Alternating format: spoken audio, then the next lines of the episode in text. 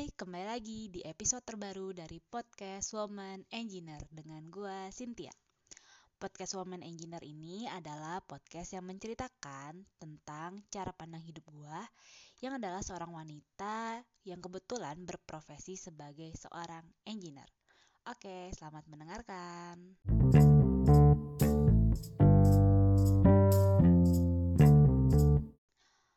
So, seperti judul dari podcast ini, kali ini gue mau ngomongin mengenai jenjang pendidikan engineering dan apa aja sih job desk mereka ketika akhirnya mereka lulus dan masuk ke dunia kerja sebenarnya, yaitu dunia engineering juga ya. Well, sebenarnya ini tuh hasil pengamatan gue aja sih terhadap kolega-kolega kerja gue. Bisa jadi nggak semua bisa dipukul rata ya. Mungkin maksudnya kalau misalnya di kantor lain job desk uh, dari jenjang pendidikan A bisa berbeda gitu dengan job desk pendidikan di kantor gue. so bisa dibilang nih apa yang gue omongin belum tentu 100% benar. Karena ya gue cuma lihat dari sisi luarnya aja. Dan bisa dibilang ini adalah hasil kesimpulan gue sendiri. Nah, jadi dari pengamatan gue, kira-kira di kantor gue ini ada 3 sampai 4 jenjang pendidikan yang orang-orang ini setelah lulus kerja di bidang engineering, yaitu lulusan SMK, D3, dan S1. Kadang ada juga sih S2, tapi jumlahnya nggak sebanyak teman-teman S1 dan D3. Walau sama-sama belajar engineering, ya anggaplah ya pukul, pukul rata gitu lah, sama-sama civil engineering atau teknik sipil gitu ya. Karena gue kebetulan kerjanya di bidang itu, ternyata jabatan yang bakal diterima itu beda-beda. Beda jabatan, otomatis beda job desk ya. Nah, ini gua khususkan di ranah teknik sipil aja. Jadi kalau buat teknik-teknik yang lain, mungkin ada sedikit penyesuaian kali ya job desknya. Oke, mari kita mulai dari jenjang yang pertama, yaitu SMK. Kita mulai dari penjelasan singkat dulu aja kali ya dari Wikipedia. Jadi, menurut Wikipedia, SMK itu atau Sekolah Menengah Kejuruan adalah pendidikan formal yang menyelenggarakan pendidikan kejuruan pada jenjang pendidikan menengah sebagai lanjutan dari SMP. Di SMK terdapat banyak sekali program keahlian yang disediakan. Sebenarnya gue nggak terlalu tahu sih, kolega gue ada nggak sih yang sebenarnya lulusan SMK gitu ya. Tapi ini hasil dari gue ngobrol-ngobrol aja nih dari salah satu uh, anak magang SMK yang waktu itu ada di proyek gue. Jadi, kalau gue lihat nih, teman-teman yang dari SMK ini lebih banyak diajari hal-hal buat praktek kebanding teoritisnya. Sehingga teman gue ini lebih banyak terjun langsung nih kerja di lapangan. Misalnya jadi pengawas, QC gitu ya, quality control, surveyor, dan draftman. Rata-rata memang pekerjaannya tuh kayak langsung terjun di lapangan konstruksi gitu loh paling kerjaan yang di kantornya ya jadi draftman aja. Mereka sebenarnya punya basic kok buat hal-hal itu semua. Tapi memang mungkin kalau secara materi teori gitu ya, mereka nggak dikasih sedalam teman-teman yang kuliah di tingkat S1. Soalnya temen gue yang magang ini, memang dia tuh awal-awal lebih sering ngerecokin teman-teman pengawas konstruksi dan surveyor gitu loh di lapangan. Tapi pas akhir-akhir ketika gue minta tolong nih buat bikinin list potongan tulangan buat konstruksi, ternyata dia juga bisa kok. Maksudnya dia kayak cepet juga gitu nangkepnya ketika gue ajarin. Dia juga ngerti gitu filosofinya dengan melihat dari gambar kerja yang gue sodorin. Beberapa kali ngobrol pun ternyata dia kayak punya kemampuan bikin tata letak ruang kayak arsitek gitu. Malah gue tuh dibuatin gitu loh denah rumah sama dia. Beda banget sama gue yang lulusan S1 teknik sipil. Gue itu malah gak bisa nih buat uh, bikin tata letak tata letak ruang gitu karena gue nggak diajarin ilmunya iya memang arsitek dan teknik sipil itu awalnya memang dulunya satu jurusan. Cuman sekarang udah dipecah teknik sipil tuh jurusan sendiri arsitek dipecah sendiri. Jadi orang teknik sipil itu nggak punya ilmu tentang uh, desain bangunan dengan cantik gitu ya yang tata letak ruang tuh nggak punya. Dan orang arsitek pun nggak punya ilmu untuk uh, membang me, mendesain atau merancang struktur-struktur bangunannya makanya kalau misalnya dalam satu proyek antara insinyur sipil dan arsitek itu harus bekerja sama untuk membangun suatu bangunan gedung atau rumah kayak gitu. Oke, kita masuk ke jenjang pendidikan berikutnya, yaitu D3. Nah, kita lihat dari definisinya dulu ya. Jadi D3 itu bisa disebut sebagai vokasi.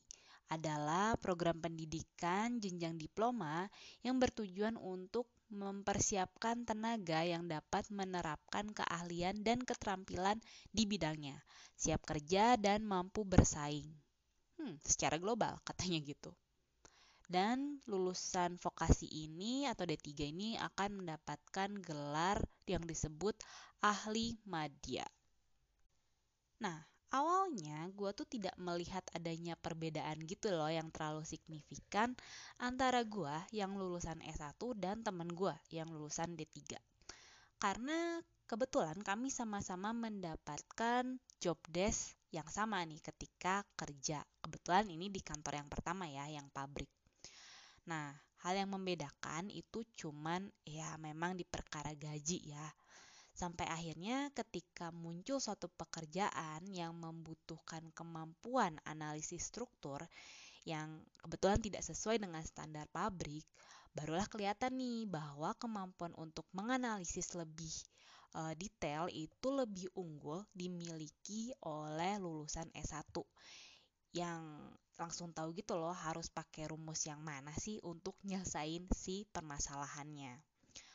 Tapi bukan berarti teman-teman D3 ini nggak punya kelebihan loh dibanding teman-teman S1. Kelebihan teman-teman dari D3 itu justru di ilmu-ilmu yang bisa langsung diterapin untuk praktek di lapangan. Mereka tuh bisa gerak lebih cepat gitu loh ketika menghadapi tugas-tugas praktek kayak misalnya nentuin bahan penyusun nih dari beton dengan kekuatan tertentu. Terus gimana sih uh, pasang scaffolding yang baik gitu ya untuk menahan struktur yang belum sempurna di titik mana harus dipasang, sepanjang apa, setinggi apa. Mereka tuh bisa nentuin dengan cepat. Nah, teman-teman dari D3 ini bisa cepat itu karena ya memang mereka diajarin hal-hal kayak gitu uh, lebih sering daripada gue yang lulusan S1 pas mereka kuliah. Nah, sedangkan gue nih, kalau misalnya disuruh nentuin komposisi beton atau si scaffolding itu, gue tuh kayak harus cari-cari literatur dulu atau malah gue sebenarnya nanya ke teman-teman D3 ini karena kayak mereka lebih banyak ilmunya dan lebih berpengalaman lah istilahnya kayak gitu. Itulah kenapa ketika gue masuk ke dunia IPC, gue tuh banyak menemui teman-teman D3 ini banyaknya bekerja langsung di proyek. Entah menjadi pengawas para mandor ya atau tukang gitu. Karena mereka emang punya ilmu untuk nentuin step by step pengerjaan konstruksi yang baik itu seperti apa. Kemudian mereka juga biasanya jadi quality control atau QC gue nyebutnya karena ya mereka punya gitu ya ilmu-ilmu yang mendukung tentang hal tersebut gitu ya teori-teorinya apa kemudian mereka tuh hafal gitu ya tentang uh, apa syarat-syarat uh, yang menyatakan suatu struktur itu baik gitu ya. Kemudian yang lain itu biasanya jadi surveyor gitu. Nah terus lulusan S1 sendiri kalau di proyek ngapain gitu kan? Ya kalau di IPC ini di kantor gue ya biasanya kita nih yang lulusan S1 itu jadi desainer yang mendesain struktur bangunan uh, dengan modal teori-teori atau rumus-rumus yang kita pelajari nih pas kuliah. Nah, nanti hasil si desain struktur itu bakal dikasih ke tim lapangan. Ya udah dikerjain tuh sama surveyor, sama tim quality control, sama si yang pengawas para mandor untuk dibikin bangunannya di lapangan. Atau bisa juga nih uh, kalau di lapangan, ditempatin di lapangan yang lulusan S1 itu bakal ngedampingin teman-teman konstruksi. Jadi kalau nanti ada kejadian-kejadian yang enggak standar gitu ya di struktur bangunan yang lagi dikerjain, itu teman-teman S1 tuh yang bakal bantuin nganalisis dan nyari solusinya. Tapi kalau problemnya lebih ke bagaimana cara membangunnya, nah itu masuknya ke ranah teman-teman D3 tuh biasanya yang bakal lebih unggul. So, jadi kesimpulannya kalau mendesain dan menganalisis suatu struktur based on teori itu biasanya jagoan teman-teman S1. Tapi kalau bagaimana cara membangunnya itu biasanya jagoannya teman-teman D3 gitu. Nah, itu kan kalau di proyek. Gimana nih kalau misalnya di kantor pusat gitu ya, di kantor. Biasanya teman-teman D3 ini ya rata-rata itu mereka jadi draftman, yaitu orang-orang yang menerjemahkan nih perhitungan desain dari para engineer jadi gambar kerja yang bisa dipakai sama tim konstruksi. Bisa dibilang sebenarnya gue tuh sangat-sangat terbantu loh oleh para draftman ini, apalagi yang draftman senior ya karena bisa bantuin nyempurnain desain yang udah gue keluarin. Karena biasanya tuh mereka kayak udah punya feeling gitu loh ini tuh harus dibeginikan itu ini tuh harus dibegitukan harus ditambah ini harus ditambah itu. Istilahnya tuh ketika gue mendesain itu gue tuh kayak cuman mendesain gambaran besarnya gitu. Nah detailnya tuh sama teman-teman draft, draftman ini apalagi yang senior gitu. Udah gue pokoknya hormat banget deh sama mereka pokoknya atas bantuan si teman-teman draftman ini uh, biasanya ya selain mendetailkan juga memberikan second opinion gitu ya yang tujuannya adalah biar si desain yang gue buat itu bisa lebih gampang gitu dikerjain di lapangan dan juga mengurangi kemungkinan kegagalan struktur. Oh iya, kadang gue juga ngerasa sih sebenarnya teman-teman D3 ini juga bisa aja sih ngedesain struktur bangunan. Soalnya bukan berarti mereka nggak punya ilmu untuk itu. Kemungkinan sih ilmu analisis mereka kayak basic doang gitu loh, nggak sedalam uh, teman-teman yang belajar di uh, eh, S1 gitu kan. Jadi menurut gue sih kalau mereka mau belajar teori dikit lagi aja ya, kemungkinan kemampuannya juga bakal sama kok kayak teman-teman yang lulusan S1. Makanya ada kan program S1 gitu kan buat lulusan D3. Dan mereka tuh biasanya kalau yang dari lulusan D3 masuk ke program S1 tuh bakal mm, menempuh jangka waktu pendidikan yang lebih sedikit daripada teman-teman yang ngambil program S1 dari SMA. Oke, yang selanjutnya kita masuk ke program S1.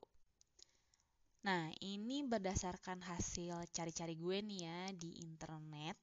Memang ternyata yang namanya sarjana itu akan lebih banyak mempelajari hal-hal yang bersifat teoritis.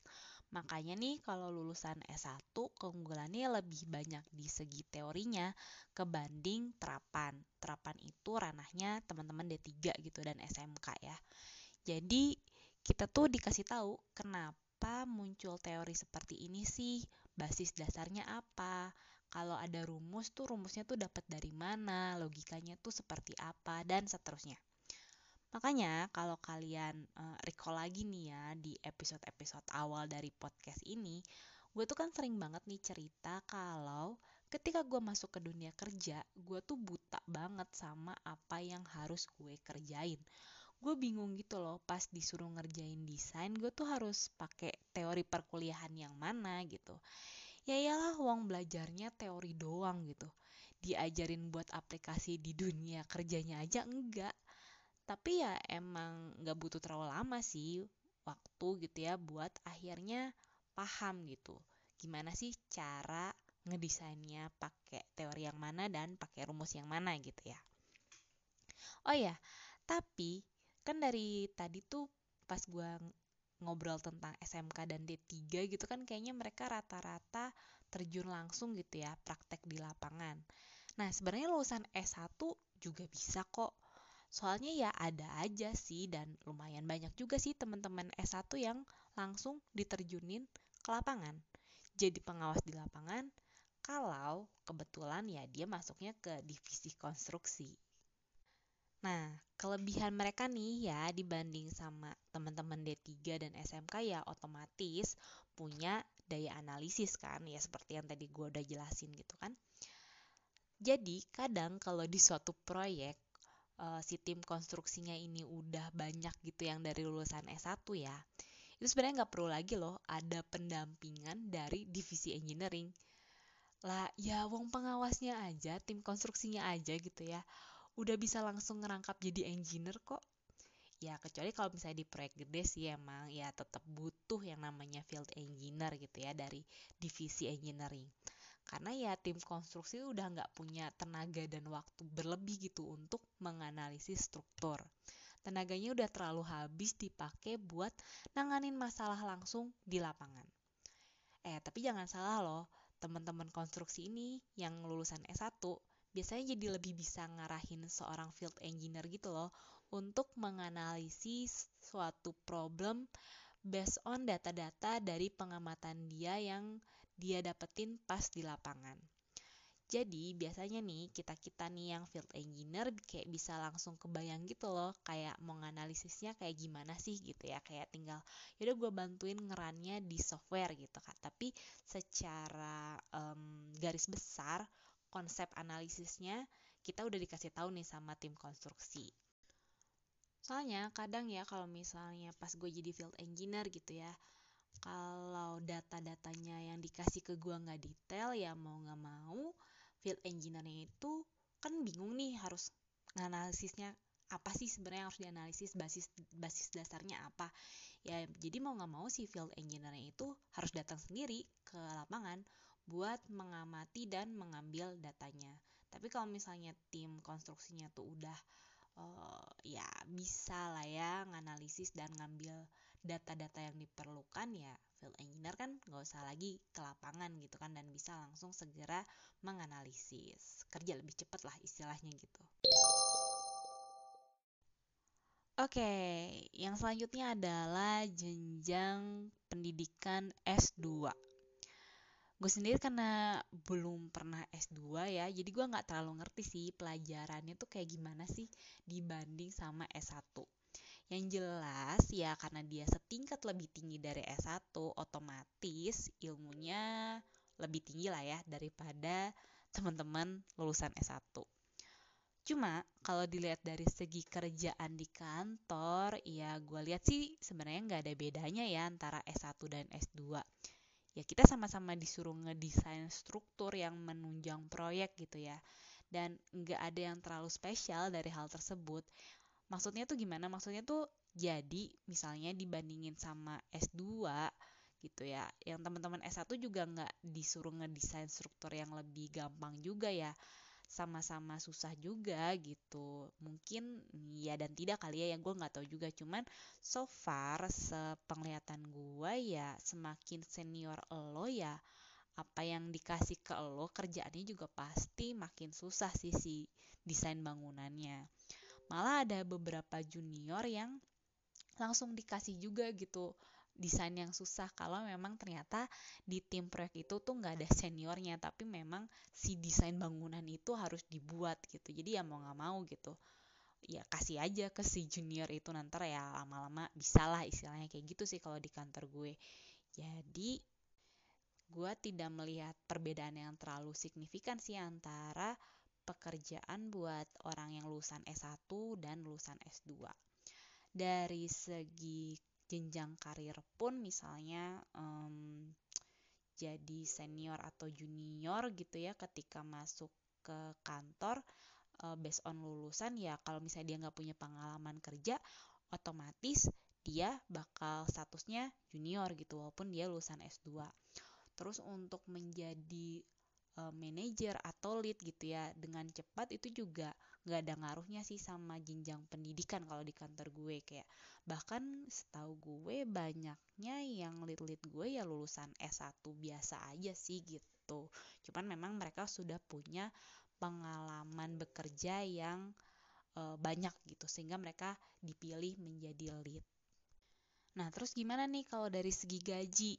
Apa iya lulusan S2 itu gajinya bakal lebih tinggi nih daripada S1?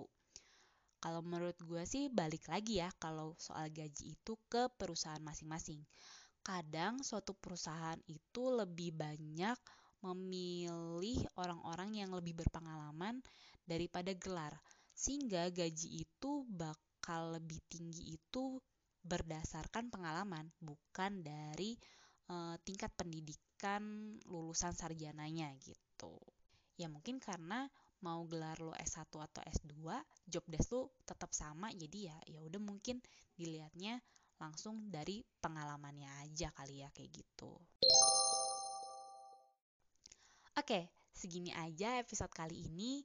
Semoga membantu untuk memberi gambaran ya mengenai perbedaan jenjang pendidikan di dunia kerja engineering. So, kalian mau masuk sekolah mana nih nantinya? Oke, sampai ketemu lagi di episode selanjutnya di podcast Woman Engineer. Bakal masih ngebahas tentang jenjang pendidikan. Pokoknya ditunggu aja lah ya. Dah. Sampai ketemu dua minggu lagi.